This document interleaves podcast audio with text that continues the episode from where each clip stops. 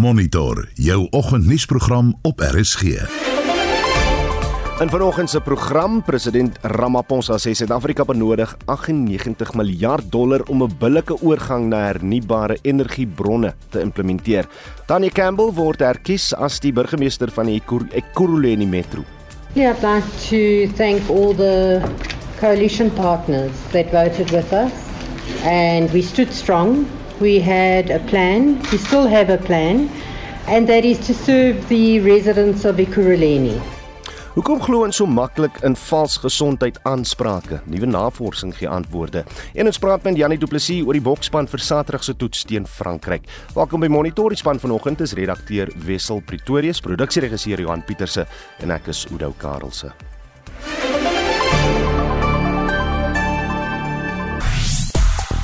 'n Fietsryer van Johannesburg, Clifford Young, is deur 'n mede-fietsryer aangerand. Dit nadat hy 'n groep gewaarsku het om uit die pad te beweeg omdat hulle gevaar vir ander fietsryers ingehou het. Hy verduidelik wat gebeur het.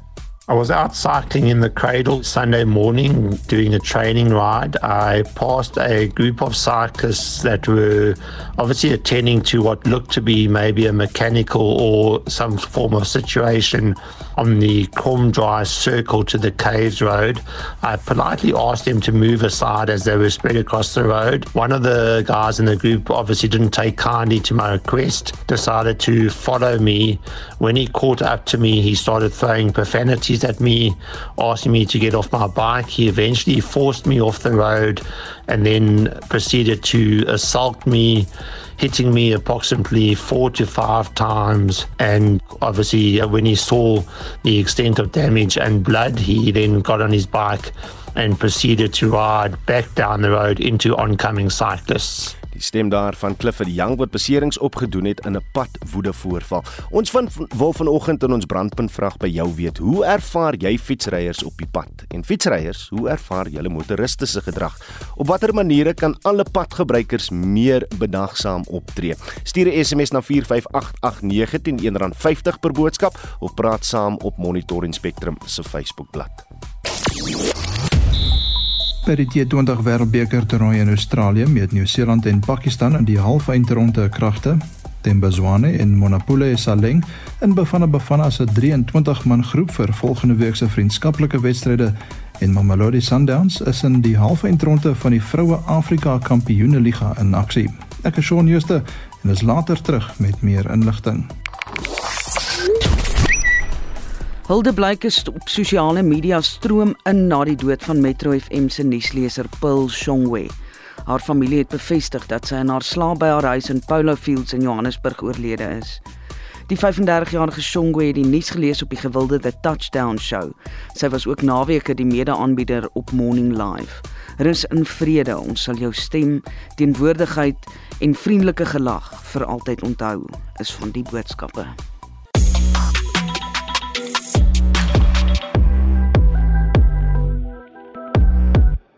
Selfminute oor 6 welkom by Monitor.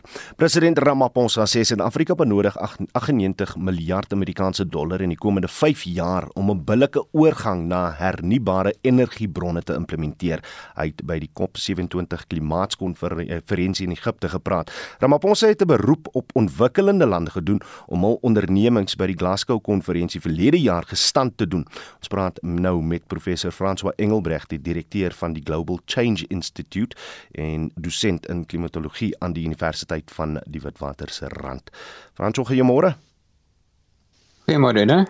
President Ramaphosa en die eerste minister van Brittanje, Rishi Sunak, het groot gepreek in die media waar aangedui is dat Suid-Afrika miljarde rande gaan kry, maar die belofte wat aanvanklik in 2009 gemaak is, is glo nie aan voldoen nie. Wat wat kan jy vir ons daarvan vertel? Weer ja, in 2009 is daar onderneem, um, as deel van hierdie Verenigde Nasies onderhandelingsproses dat teen die jaar 2020 die ontwikkelende lande van die wêreld elke jaar in die gemiddeld 100 miljard Amerikaanse dollar moet ontvang van die ryker geïndustrialiseerde lande om hierdie oorgang na die hernubare forme van energie te bewerkstellig. Nou hierdie befondsingstroom het nooit werklik momentum gekry nie.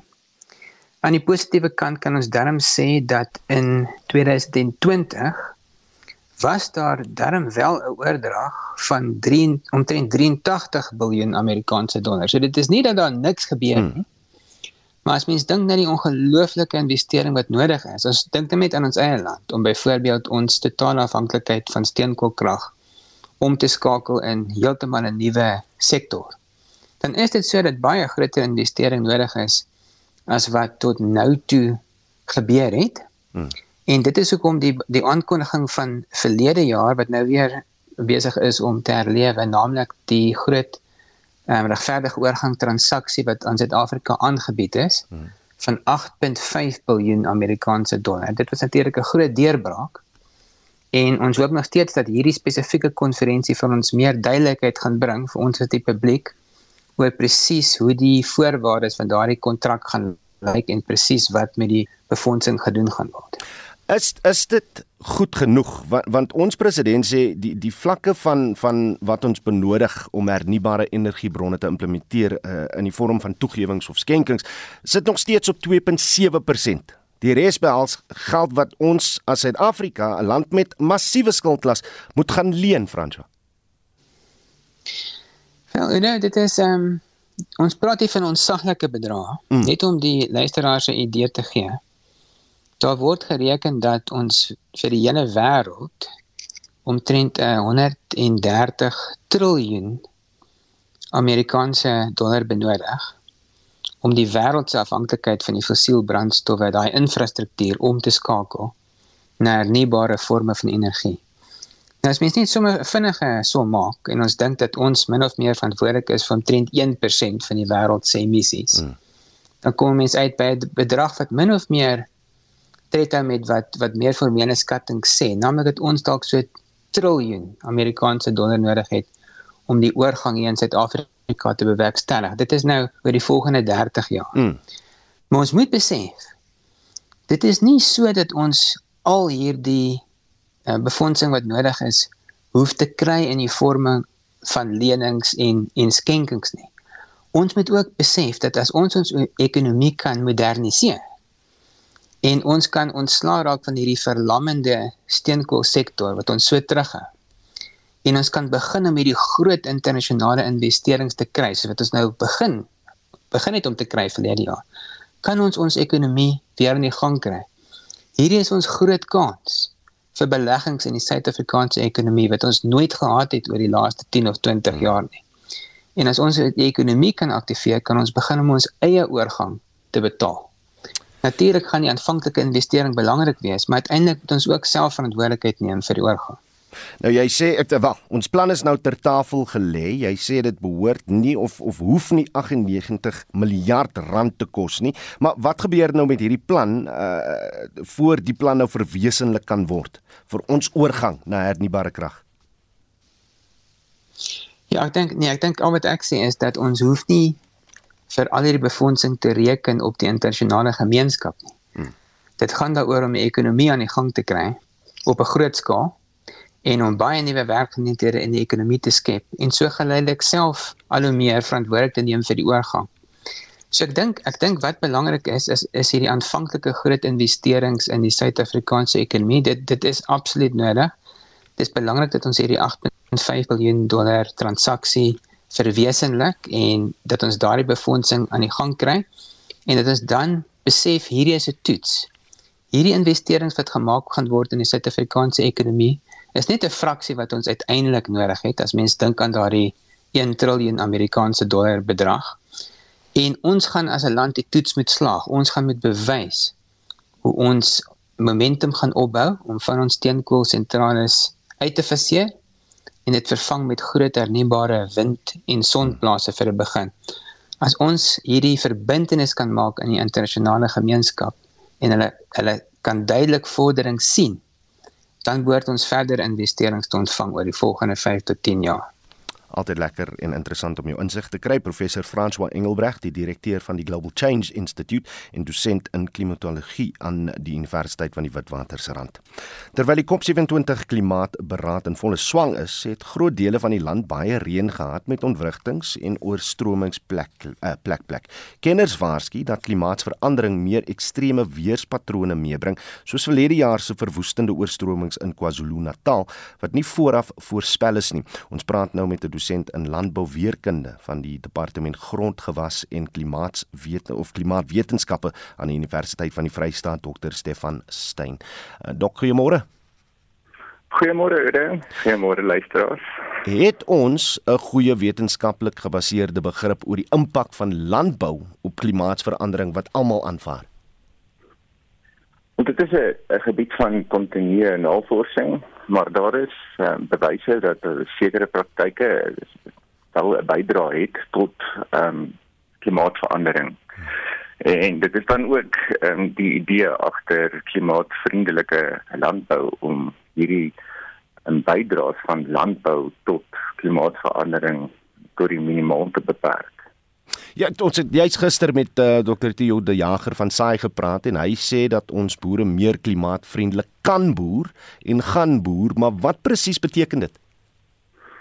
So daar's verskillende ehm um, kan ek sê interpretasies daarvan of toepassings daarvan eerder. Maar maar die, die grootendeels um, kom dit daarop neer dat jy meer in voeling met die omgewing probeer wees en dat jy hierdie ehm um, meer veerkragtig of weerstandig teenoor klimaatsveranderinge probeer wees in jou praktyke en dan ook um, om daai bydraes tot um, omgewingsverandering en klimaatsverandering per se um, te minimaliseer. Watter soort veranderinge praat ons nou hiervan? Dit kan dit hang af wat se tipe boerdery dit is. Of dit nou grootskaals of kleinskaals en en en met watse gewasse jy werk. Maar daar's allerlei praktyke um, wat mens kan inbring. Nou nie om om volg te, te wees daaroor nie, maar jy kan byvoorbeeld kyk na die as jy besproeiing het byvoorbeeld, watse tipe besproeiing gebruik jy? Hmm. Is dit um, om die verdamping te minimaliseer en waar kom die krag vandaan vir daai besproeiingsstelsel gebruik jy sonpanele of gebruik jy um, byvoorbeeld Eskom se krag of wat ook al die geval is? En dan is daar dinge wat jy op die land self kan doen en om meer um, omgewingsvriendelik te wees of om en en wat op ook die die die boer en die gewas of die dier dan um, byvoorbeeld wat jy probeer om meer 'n uh, optimale omgewing te skep vir daai plant wat dan ook die insette sal minimaliseer. Ja. Dinge soos ja. dekgewasse wat jy kan inbring om die grond te bewaar of minimale bewerking wat jy inbring om die die die koolstof ehm um, opgaring in die, in die grond vas te lê en te keer dat dit terug na die atmosfeer toe of jy kan dingetjies inbring soos 'n deklaag of tussen gewasse of gewasrotering of net kyk na die tipe gewasse wat jy plant of die die cultivar wat dalk meer droogte tolerant is of en dis nie. Is dit 'n proses in Suid-Afrika wat deur ons boere begelei word, uh deur beleid op hulle afgedwing word om werk die twee maar maar goed saam met mekaar. Dis nou die regering en en ons uh, uh boere dink van regeringsinstansies en en navorsingsinstansies is daar baie ehm um, word daar ehm um, navorsing gedoen of en en baie plekke in die departement landbou en van die ehm um, boere ek sê organisasies soos Graan SA en daai tipe plekke en die landbou navorsingsraad het baie keer illustrasies en plotte wat hulle doen vir die vir die um, boere om te wys hoe hulle van hierdie metodes kan inkorporeer. As hy so, dit is ek dink dit word afgedwing hmm. om daai vraag te antwoord nie. Want hmm. kan mens nog nie maar enige goeie ehm um, plan wat boere help om meer weerstandig te wees teen klimaatsveranderlikheid in die algemeen of dit nou al vir klimaatsverandering per se is of nie om meer stand te wees teen droogtes of en, en enige ekstreme ehm um, klimaatstoestande is tog tot hulle eie voordeel en as hulle sien dit werk dan sal hulle dit ehm um, toepas op 'n groter skaal. En ek dink dit is die manier wat wat dit benader word en moet benader word. Dr. Stefan Stein is 'n dosent in landbouweerkunde van die Departement Grondgewas en Klimaatwetenskappe aan die Universiteit van die Vrystaat. Opkomende boere by Rytvlei buite Louis Trichardt in Limpopo het groot verliese gely weens 'n haalstorm wat hul oeste beskadig het. Een van die boere het meer as 30 000 kool verloor tydens die haalstorm wat die gebied vir ongeveer 15 minute getref het. Ongeveer 8 hektaar se oes is verloor. Ons praat nou met Christo van der Rede, die direkteur van Agri SA. Christo, goeiemôre. Môre Oudo en môre aan al die luisteraars. Luister, hoeveel boere ly aan verliese weens die onlangse reën en uh, oorstromings? Weet jy, dit is eintlik moeilik om te bepaal. Ek weet dat eh uh, die Swartland omgewing, Darling, eh uh, het boere erge haalstormskade ervaar uh en uh, boere is besig om te stroop in daai gebiede. So uh, daai uh, skade moet nog bepaal word en dan uh, is boere maar bitter bekommerd in dele van die Vrystaat hmm. waar daar geweldig baie reën geval het. Ehm uh, ons weet van die probleme wat boere gehad het uh, verlede jaar toe uh, reën uh, massiewe impak gehad het op of uh, vloedskade groot impak gehad het op uh, graan aanplantings en so voort. Maar ons hou duim vas, uh, ons liewers, jy weet liewers reën as droogte. mm, mm, mm. Ja, die kop 27 is nou aan die gang. Ons het nou nou net met uh, in twee insette gepraat oor oor landbou en en die rol wat COP27 gaan speel op ons landbou. Maar die grootste verwagte Christo gevolge van klimaatsverandering volgens net mooi elke keer is dat minder water beskikbaar sal word vir boere wêreldwyd. Het ons nou daai tydstip uh, bereik waar gevorderde planne vir die toekoms gemaak moet word? Kyk, uh, Agri SA is bevoorreg dat uh, een van ons uh, Eh, personeellede is nou gekies op die presidensiële klimaatskommissie. Mm. Nou uh landbou het nie voorheen 'n stem gehad op daai klimaatskommissie nie en dit is landbou wat die ergste geraak word deur klimaatsverandering.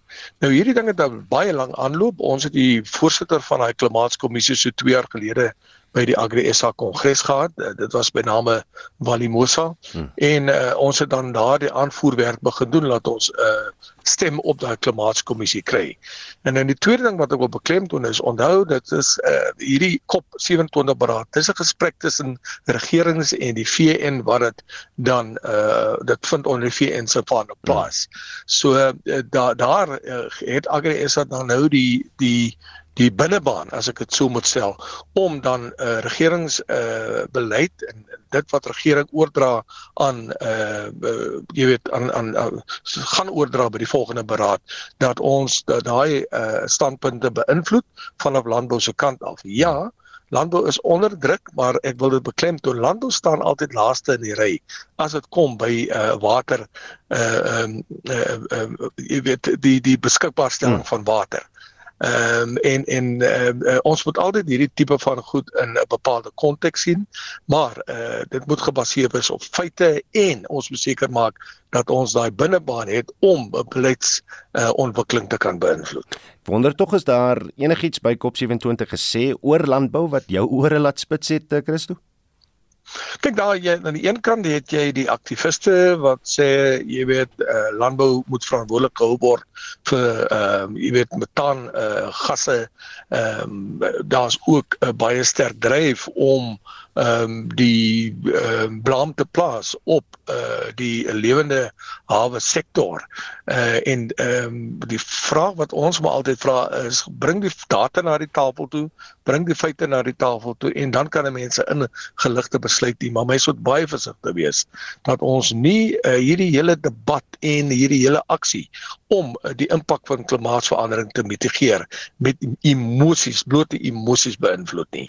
Uh en ek is baie bly oor die uh standpunte van die regering dat daar moet 'n oorgang wees en die groot vraag is hoe moet die oorgang bestuur word, ingefinansier word dat jy nie aan die einde van die dag die baba met die uh, badwater uitgooi nie want dit gaan oor voedselsekuriteit vir die land, dit gaan ook oor werkskepping en uh dit kan nie op die altaar van uh as ek dit nou so moet stel politieke korrektheid geplaas word nie want dan gaan die hele land se ekonomie en uh veral die landbousektor daaronder lê.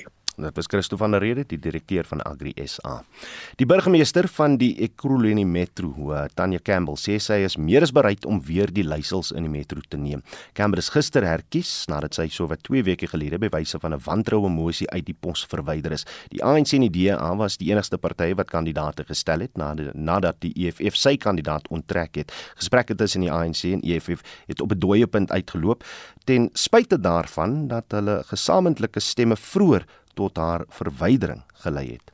Campbell het met 124 stemme teenoor die ANC se Jongizizwe Labati se 99 stemme gewen. Yeah, I'd like to thank all the coalition partners that voted with us and we stood strong. We had a plan, we still have a plan, and that is to serve the residents of Ikuruleni. It is a pity that two and a half weeks has been wasted where emergency plans have to be put in place for service delivery. Uit die 224 raadslede in Ekurhuleni het die ANC 86 setels. Dit beteken dat 13 lede van ander oppositiepartye vir die ANC gestem het. Die voormalige ANC burgemeester, Mzwandile Masina, het die uitkoms aanvaar. Our plan was to take over government having exposed its weaknesses. And I think that we did everything possible. Firstly, to put the motion, we negotiated with other parties which would have thought will actually assist us to take over. But uh, we, we could not find each other. So we respected their views. We can't do dealings as the ANC. We can only have principal agreement. So if we can't reach an agreement, that's about it. So we didn't reach an agreement. We are not bitter. We are not members of the EFF. They are not members of the ANC. So we're coming out here very strong as the ANC and we are ready to continue our work in the opposition benches. Die DA woordvoerder in Gauteng, Solim Simanga, het die oorwinning verwelkom. I'm relieved that uh, the people of Ekurhuleni will continue to have a government that has promised to be transparent, a government that has promised to turn the ship around that was already sinking, and a government that will really be accountable to the people of Ekurhuleni. It was quite sad that for a couple of weeks this municipality have been without the captain. Action SA se Bongani Baloyi sê hulle is tevrede met die uitkoms. Look, I think we're excited with the outcome. We are back. We need to focus on service delivery. We need to ensure that refuse collection is a high priority for us to ensure that we stabilize service delivery and the finances of the municipality. But we are reaffirming our support towards the coalition parties to ensure that they deliver and keep the ANC out. Die ANC sê hy beoog om binne 6 maande weer 'n mosie van wantroue ter tafel te lê. Die verslag is saamgestel deur Horisani Sitole en ek is Marlie Skeepers. Jy luister na Monitor. Elke weekoggend tussen 6 en 7. Half 7 in die nuus. Die regering sê hy het maatreëls in plek gestel om die impak van die beplande staking môre deur staatsdienswerkers te versag. Stemme word steeds getel in die FSA se mediumtermyn verkiesing en ons praat met Janie Du Plessis oor die bokspan vir Saterdag se toets teen Frankryk. Bly by ons ingeskakel.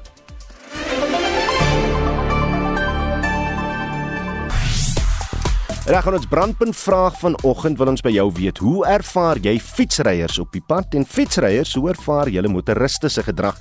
Uh, en op watter maniere kan alle padgebruikers meer bedaagsaam optree? Uh ons vra die vraag juis omdat daar 'n uh, voorval van padwoede was tussen twee fietsryers. Kom ons kyk wat sê julle op Facebook.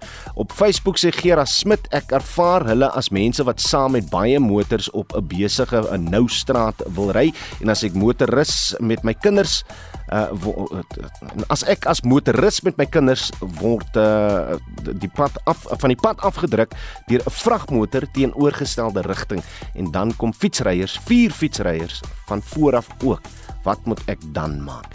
Reg, uh, Susan Engelbrecht sê mense alle soort is absolute padvarke. Dis wat sy sê sodra hulle op 'n openbare stuk pad beland. Niks geduld nie, almal wil eerste wees. Ek ry hoofsaaklik agter paaie sover ek dit kan doen. 'n Engele hakker sê fietsryers moet net in hulle bane bly, motoriste in hul bane bly en niemand kry of word beseer nie en sommer vir voetgangers ook loop of stap of draf in julle gange en dan is almal uit almal se pad uit. Uh Ferdi Pieter sê daar word nie meer deesdae gefokus op padveiligheid vir voetgangers en fietsryers soos vroeër jare waar sekere beginsels op gefokus word nie. Ry agter mekaar, dit is baie belangrik. En uh Ina Segota sê ek gee altyd plek of pad vir fietsryers. Party let wel, party is baie arrogant, glo karre moet vir hulle uit die pad uitjaag. Nou wat sê jy? Stuur 'n SMS na 4588919 R50 per boodskap. Jy kan saampraat op die Monitor en Spectrum Facebookblad. Shaun Jos Jooste slaggereed met vanoggend se sportnuus. Môre Shaun. Goeiemôre Oudo. Reg, die eerste halfyn stryd by die T20 Wêreldbeker toernooi word vandag beslis. Nieu-Seeland teen Pakistan. Wie dink jy gaan wen? Oudo, as ons kyk na die geskiedenis tussen die twee lande in die T20 cricket, sal 28 wedstryde gespeel, Pakistan 17 gewen en Nieu-Seeland net 11. Ehm um, ek dink egter Nieu-Seeland is so 'n bietjie beter op dreef as Pakistan, maar soos die Proteas gewys het, enigiets is natuurlik moontlik. Nou die kragmeting begin vanoggend van 10:00 af Suid-Afrikaanse tyd daar in Sydney en dan môre is dit Indië teen Engeland in die ander halve eindstryd. Ja, Pakistan was my gunsteling vir die toernooi en Suid-Afrika het hulle 'n massiewe guns gedoen, maar in elk geval, kom ons eh, keer terug na Suid-Afrika toe. Ek sien die nuwe SA20 toernooi en daardie belangrike eendag reeks teen Engeland word op dieselfde tyd gespeel. Ja, die SA20 toernooi word tussen 10 Januarie en 11 Februarie gespeel. Nou na die 24ste Januarie is daar egter 'n breek van 8 dae terwyl Suid-Afrika en Engeland natuurlik nou die eendagreeks afhandel. Nou danksy die breek sal volsterkte spanne in aksie wees, baie belangrik vir Suid-Afrika wat natuurlik probeer om vir die 2023 eendag wêreldbeker toernooi te kwalifiseer, outomaties te kwalifiseer. Hulle is tans 9de en slegs die top 8 op die Superliga punte leer kwalifiseer vir die toernooi. Net so vandag terug na die SA20 toernooi, die openingswedstryd is is tussen MI Cape Town en Paul Royals en die eindstryd word vir die 11de Februarie op die Wanderers in Johannesburg geskeduleer. Reg Glasgow en Skotland speel gasheer vir die Billie Jean King beker eindstryd. Dis nou tennis wat het op dag 1 gebeur. Kazakhstan het Groot-Brittanje gisterand met 2-1 en Australië Slowakye ook met 2-1 geklop en dit was danksy uh, oorwinnings in die enkelspel wedstryde vir beide spanne en dan Kazakhstan en Slowakye is vandag weer in aksie. En uh die res van die wêreld of die lande wat nou toegespits is op sokker op die hoogste vlak, hulle berei voor vir die wêreldbeker, Bafana Bafana berei voor vir twee vriendskaplike wedstryde. Ja, die afrigter Hugo Broos het 'n groep van 23 spelers vir volgende week se twee vriendskaplike wedstryde bekend gemaak. Tembazwane bou sy plek in die span en Orlando Pirates se Miguel Tim en Monopole Saleng is vir die eerste keer deel van die span. Die doelwagter Ronwen Williams is aangewys as kaptein. Nou beide wedstryde vind in Mbombela plaas. Dit is die 17de November teen Mosambiek en dan die 20ste November teen Angola. En Mamelodi Sundowns vandag in aksie maar in die Vroue Afrika Kampioene Liga. Ja, hulle vroue span is in die halve eindronde in Marokko teen Simba Queens van Tanzanië in aksie en die kragmeting begin eh, so 6uur namiddag. Nou Sundowns is ook die verdedigende kampioene in Afrika. So ons uh, hoop hopelik kan hulle deurdring na die eindstryd en weer die titel inpalm. En dit is ons Shaun Jooste van RSG Sport. Die voormalige SA onder 20 losskakel Mani Libok is op die Springbok bank ingesluit vir Saterdag se toets teen Frankryk in Marseille. Die Bokbreier Jacques Ninaber het sy span gister aangewys met 5 veranderinge en twee posisionele skakels teenoor die span wat verlede week of naweek teen Ierland uitgedraf het. Die toets begin om 10 uur Saterdag aand. Ons praat nou hieroor met die voormalige Springbok stit en SAIK se rugbyoontleder Dr. Jannie Du Plessis. Jannie Goeiemôre Oudo, goeiemôre luisteraars. Ek het jou die naweek gemis met die uh, top 12 Boland rugby, né? Maar kom ons praat so 'n bietjie Suid-Afrika teen Frankryk. Jou mening oor die uh, spankeuses teen Frankryk en uiteindelik is daar nou 'n geleentheid vir Mani Libok. Hoorie, ja. Kyk, eh, die Springbokke, hulle hulle het ongelukkig hulle het goed genoeg gespeel om die wedstryd te wen teen uh, Ierland en maar hulle het dit nie reg gekry nie. So ek dink die Springbokke is 'n klein bietjie onder druk en ek dink daarom was daar 'n paar noodgedwonge veranderinge. Ek dink mense wat op vorm is, soos Mani wat al 'n jaar dalk selfs langer baie goeie rugby speel, verdien uh, regtig sy kans. En ehm um, daar waar ons tekort geskiet het die naweek in terme van stelskopwerk, is dit 'n baie goeie 'n goeie persoon om op die, om om op die reservebank te hê dat in die tweede helfte wanneer dinge taai raak, dat hy miskien op die veld kan kom en daai ehm um, daai belangrike ehm um, um, uh, strafskoppe kan oorskop. Mm, mm. Ek het jou al op vorige geleentheid gesê dat daar's tye wat ek glad nie verstaan hoe 'n skeieregter besluit te neem oor wat in die skrim gebeur nie. Hy laaste 20 minute en die roepe wat die skeieregter Saterdag teen Ierland gemaak het. Ek verstaan tot nou toe nie hoe hy daai besluite geneem het. He, het hy dinge reg gekry in hy laaste 20 minute want want dit het seker die die, die uitslag van hy wedstryd uh, uh, uh, uh, uh, dit kon dit verander het. Dit dit het dit verander Oudo. Ehm um, ek dink die Springbokke sal nie tevrede wees met hulle vertoning in die skramp nie. Ek dink hulle hulle was nie hulle het nie op al die al hulle silinders gevuur nie. Maar nietemin het die skeieregter 'n paar baie uh, uh, baie kontroversiële beslissings gemaak. Ehm um, wat 'n mens egter in gedagte moet neem is wanneer ehm um, wanneer die momentum swaai, ehm um, is word die skeieregter ehm um, ook beïnvloed. En en hy kan dit nie help nie. En en ek dink daarom was al party van die beslissings hier op die einde wat het hy het hy definitief na Ierland se kant toe um, geblaas. Ehm um, maar dit is 'n baie groot probleem in rugby wêreld rugby. Ehm um, ek voel soms die vlak en vaardigheid van die spelers is ver bo die vlak en die vaardigheid van van die mense wat die die besluite neem en en dit is ek dit is iets wat wêreld rugby baie baie aandag aan moet skenk. Ek dink Rassie Erasmus word uitgekry as iemand wat 'n slegte verloder is omdat hy in die verlede al van die foute uitgewys het, maar ek dink wanneer 'n mens 'n afrigter is en wanneer jou werk afhang van resultate van 'n span en dit beïnvloed word deur twyfelagtige beslissings, dan dan dan maak dit dat jy dat jy amper nie anders kan nie as om die foute uit te wys. Janie, van al die spanne ja. in wêreldrugby, is Frankryk die enigste een wat nog oorbly vir wie ek bietjie bang is. Is dit geregverdig? Ja, dit is. Dit is nou ek ek dink ek dink Frankryk het 'n het 'n baie goeie spelerskorps. Ehm um, dit is die die kern van daai span is is ehm um, die onder 21 vir 2 jaar in 'n ry ehm um, die wêreldbeker onder 21 ehm um, wêreldbeker gewen het. Een keer in Frankryk en en ek dink een keer in Engeland. Hmm. Ja, hulle hulle het 'n baie goeie hulle het 'n baie goeie ehm um, span. Ek, ek hulle het 15 mense ehm um, laat laat inkom ehm um, om saam die span te oefen. Maar ek dink die veranderinge in hulle span gaan gaan minimaal wees. Hmm. Ek dink hulle gaan hulle gaan hou by dit wat gewerk het want die die mense wat gespeel het die naweek en die afgelope 2 jaar ehm um, is, is is spelers wat wat wat hulle uh, hulle was goed geweest. So ek verwag nie baie ehm um, en dit wat ek lees in die Franse media, verwag ek nie baie veranderinge vir die Franse span nie. Ehm um, ek dink dit gaan 'n groot uitdaging wees vir ons en ek dink nou dat ons afgesak het tot 4de op die wêreldranglys na een wedstryd, hmm. dit wys jou hoe klein hoe klein is die verskil tussen die top 5 spanne. Ek dink Suid-Afrika uh, uh, uh, is met hulle rug teen die muur, maar dit is ook wanneer Suid-Afrika op hulle beste is, wanneer hulle met die teen die muur is. Ek hoop so. Dit was Dr. Janie Du Plessis by dankie vir jou tyd hier op monitor, uh, oud Springbok stit en SAIK se rugby ontleder. Nou stemme word steeds getel in die FSA se mediumtermyn verkiesing wat gister plaasgevind het. Volgens vroeë bepalinge lyk dit of die huis van verteenwoordigers na die Republikeine sal gaan. Estie het vir ons meer besonderhede. Môre Estie. Môre Udo, ja, al 435 setels in die Huis van Verteenwoordigers en 35 van die 100 setels in die Senaat hang in die weegskaal in die verkiesing.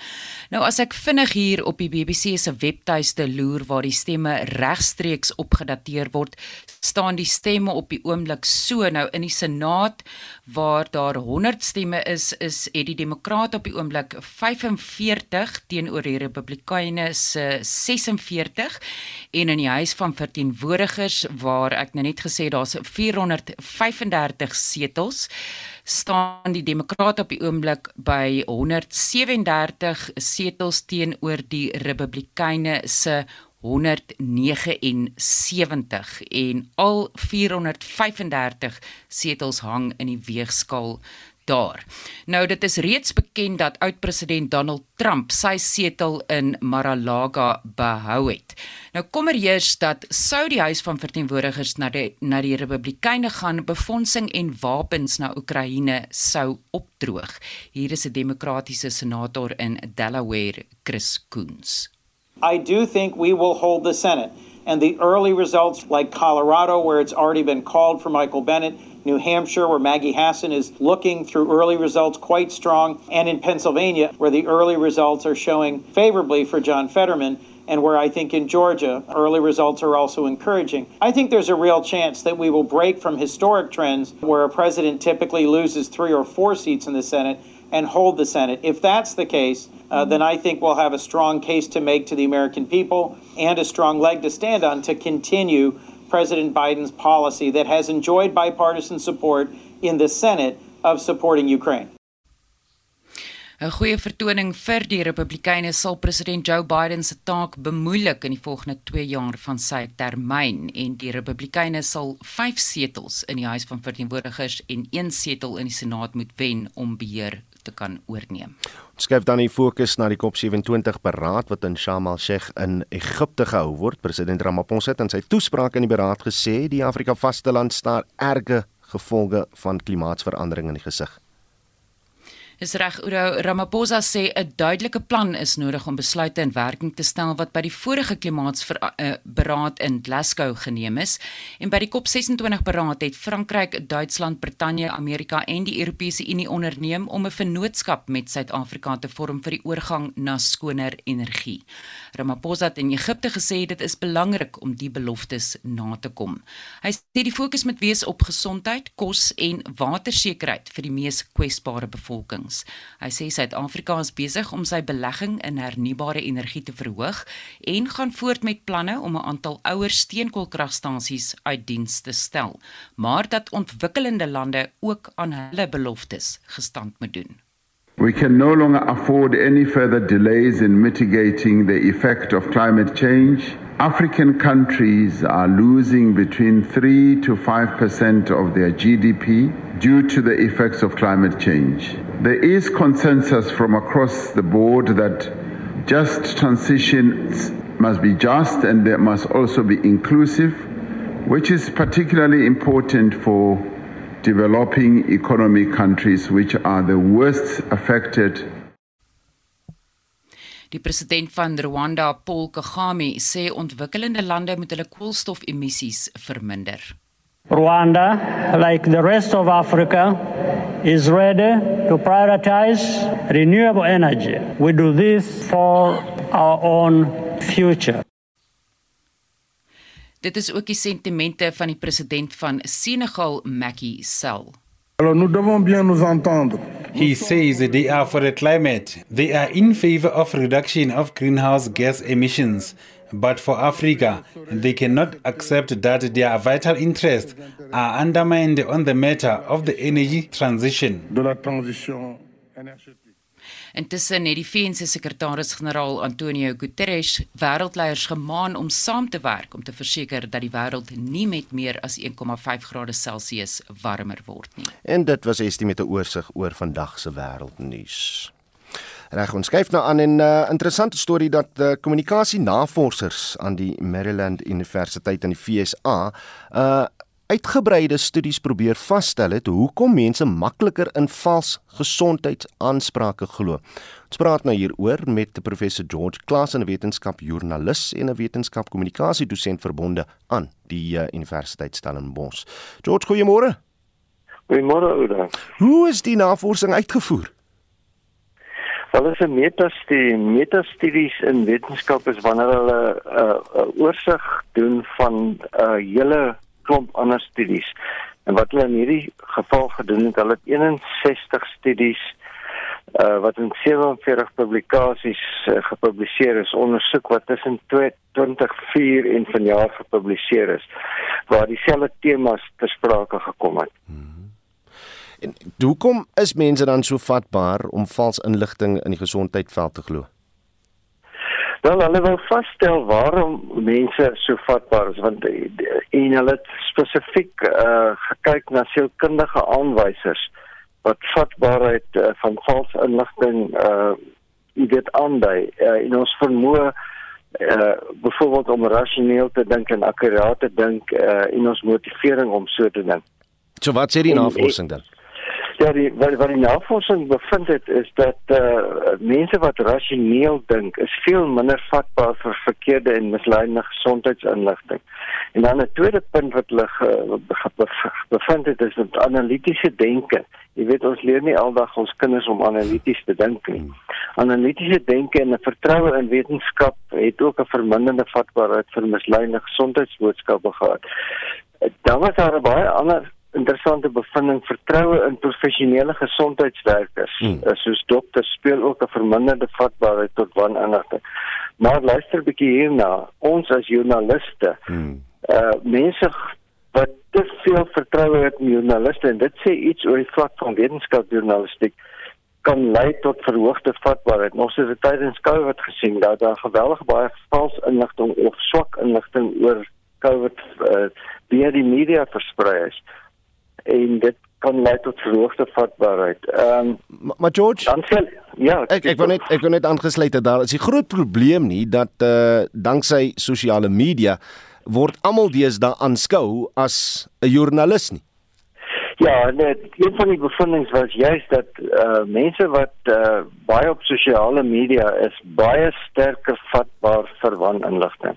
Hulle glo die die die onsin wat op sosiale media versprei word en baie vinnig versprei word. En dan eh uh, uh, lei dit daartoe dat hulle uh, dit herversprei, jy weet WhatsApp boodskappe hmm. en en en Twitter en al die soort van goed. En uh, so sosiale media speel definitief 'n groot rol daarin. Is daar nog vertroue in die mediese? Ja, daar is uh, dit is jy weet nie dat daar daarna kyk nie. Hulle spesifiek beklemtoon dat mense meer uh dat uh, mense wat meer vertroue het in mediese het het is juis minder vatbaar vir vir vir wanneerligting.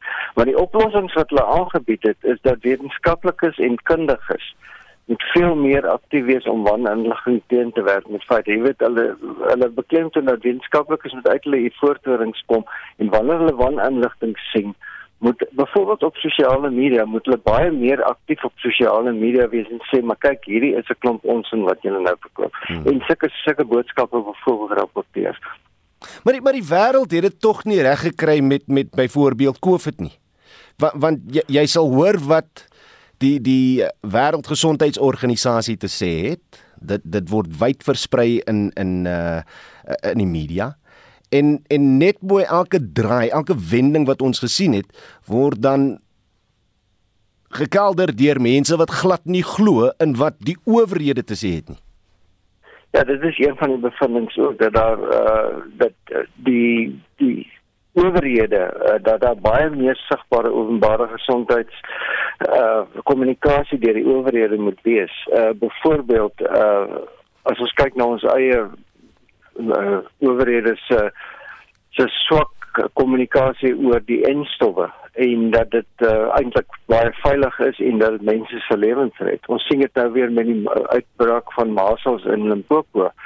Uh dat dat daar glad nie gekommunikeer word aan ouers dat hulle hulle kinders moet laat inent nie. So die kommunikasie van owerhede moet baie sterker wees om hierdie soort van ding uh, teen te werk.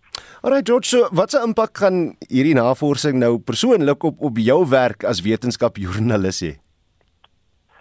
Wel, dit is net vir my weer eens beklemtoon dat uh uh ons kan nie uh in die media uh so met met met een hand agter die rug Uh, maar dink ons kon oor wetenskap verslag doen uh sonder dat ons behoorlik opgeleide wetenskap verslaggewers het nie.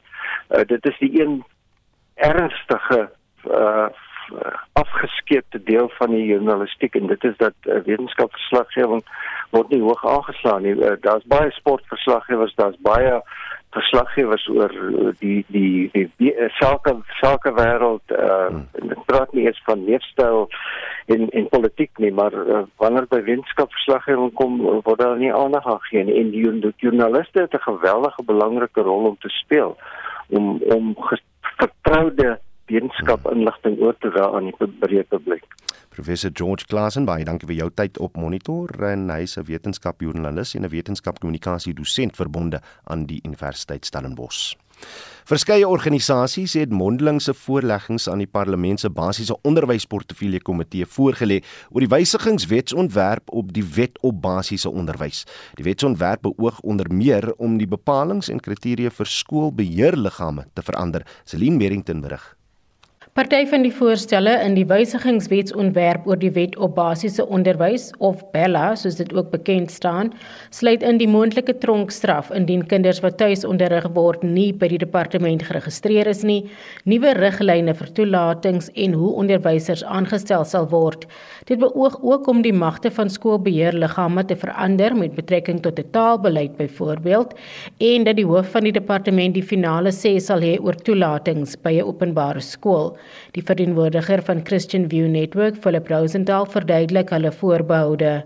The school governing bodies uh, control on admissions, um, the which affects their financial viability. It affects their ethos and affects their language because they need to uh, get a group of people who share a common vision. Not everybody has that same vision, and we can have different schools with different uh, ethoses and methods um, then it also impacts the viability of schools to employ extra teachers to improve those schools. Now, the next provision I'd like to ask you to change, please, is the school governing bodies are at the moment all required to declare all their financial interests and those of their spouses and their children. Now, that is unreasonable, and a lot of parents are going to avoid being on the governing body because they don't want to do that. Die Suid-Afrikaanse Onderwysunie se uitvoerende hoof, Chris Klopper, sê die magte van die departement kan in die hof beveg word.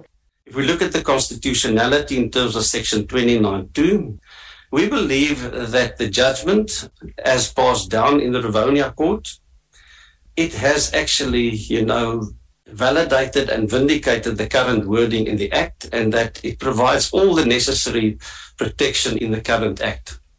We have subjected Bella to two separate legal counsels who are not related to each other, and we asked them to test the current bill against those judgment, against this particular judgment.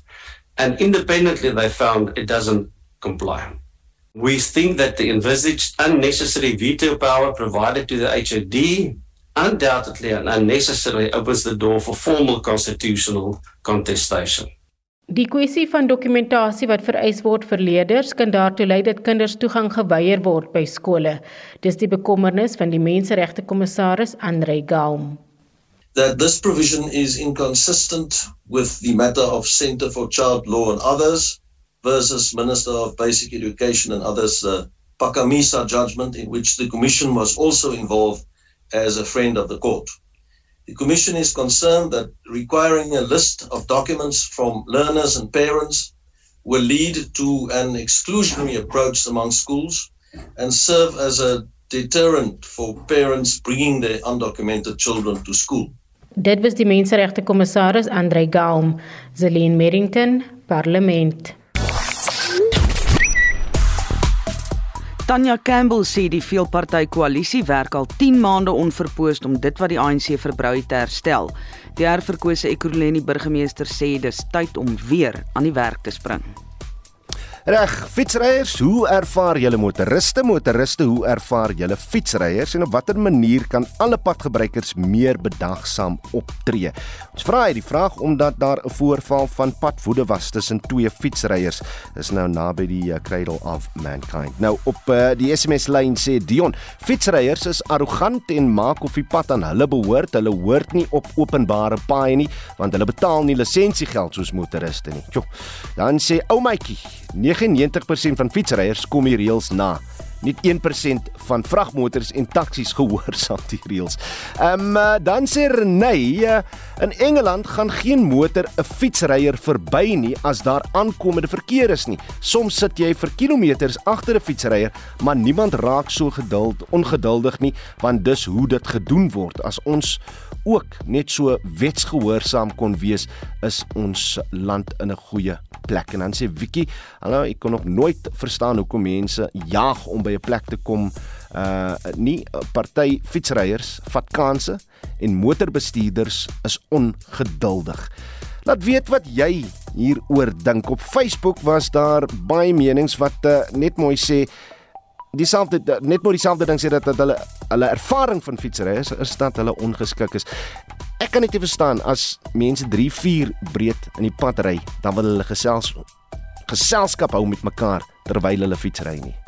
Kan ons dan net die reëls gehoorsaam en miskien net meer bedagsaam soos ek sê, uh, kan wees met mekaar op ons paaie.